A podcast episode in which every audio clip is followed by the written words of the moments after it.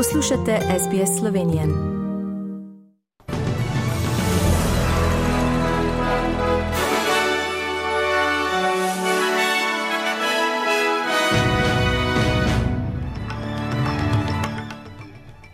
V poročilih 3. decembra 2022. Evropska unija bo zgornjo mejo za ceno ruske nafte postavila pri 60 dolarjev. V Sloveniji preširnevo nagrado prejmeta umetnica Ema Kugler in akademski slikar Herman Gvadjančič in so znani vsi tekmeci za osmino finala svetovnega nogometnega prvenstva.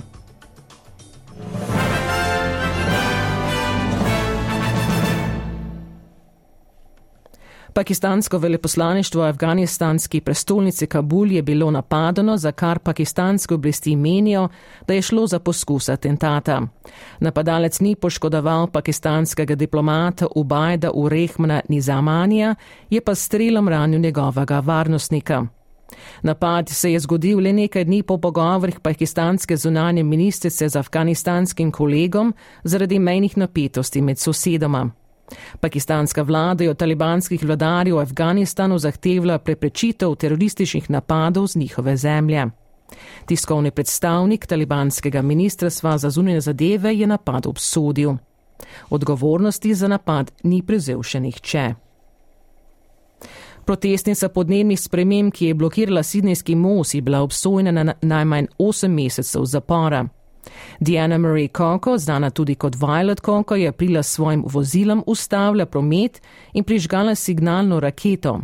31-letnica je priznala krivdo za več kaznjivih dejanj, varščina pa je bila zavrnjena. Protestniki Blockade Australia so marca in aprila letos protestirali v središču Sidneja in blokirali promet na Sidnijskem mostu in predoru. Akcija je povzročila številne aretacije in uvedbo strogih novih kazni strani vlade New South Walesa za dejavnosti, ki zapira večjo gospodarsko dejavnost. Odvetniki Kokojeve so vložili pritožbo za kazen, zaslišanje pa je prevideno za marec prihodnje leto.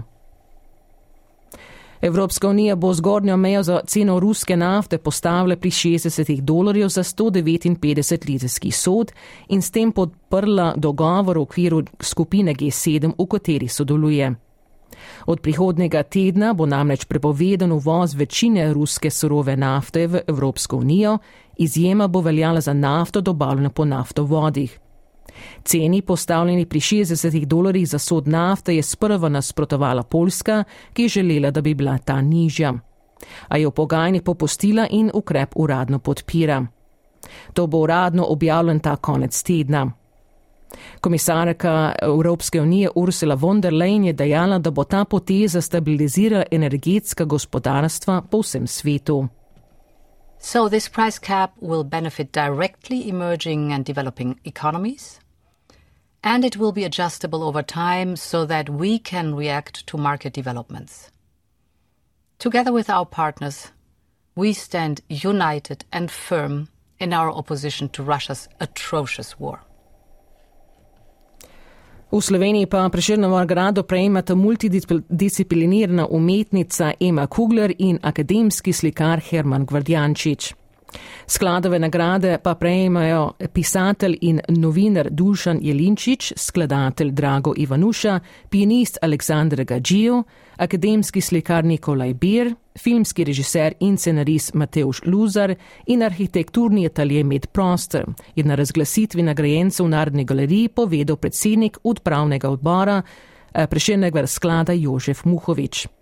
Nagrade bo, po, bodo podelili na predvečer kulturnega praznika 8. februarja na državni proslavi, ki je bo režiral Matjaš Farič.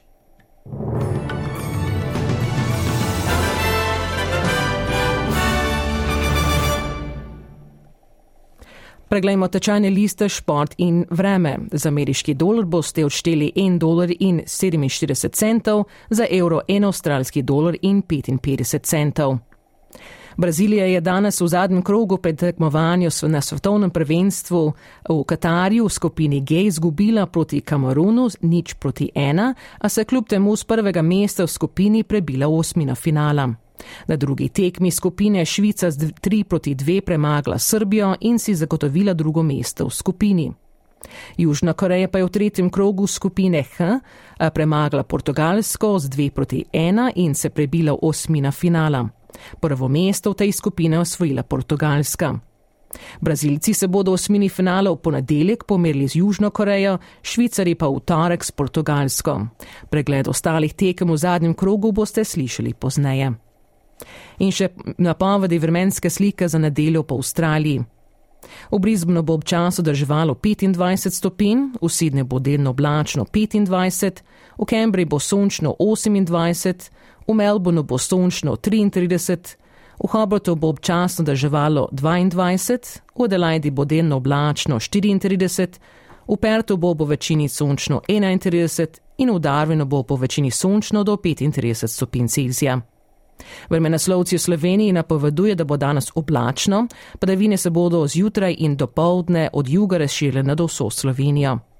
Po nožinah bo večinoma deževalo, v severni polovici Slovenije pa sprva snežilo. Čez dan se bo meja sneženja eh, dvig, dvigala.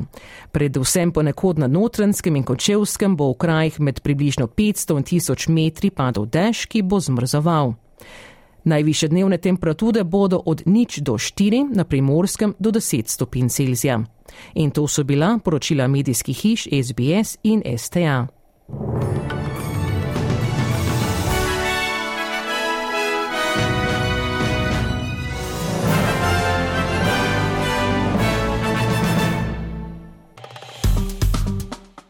Všečkaj, deli, komentiraj.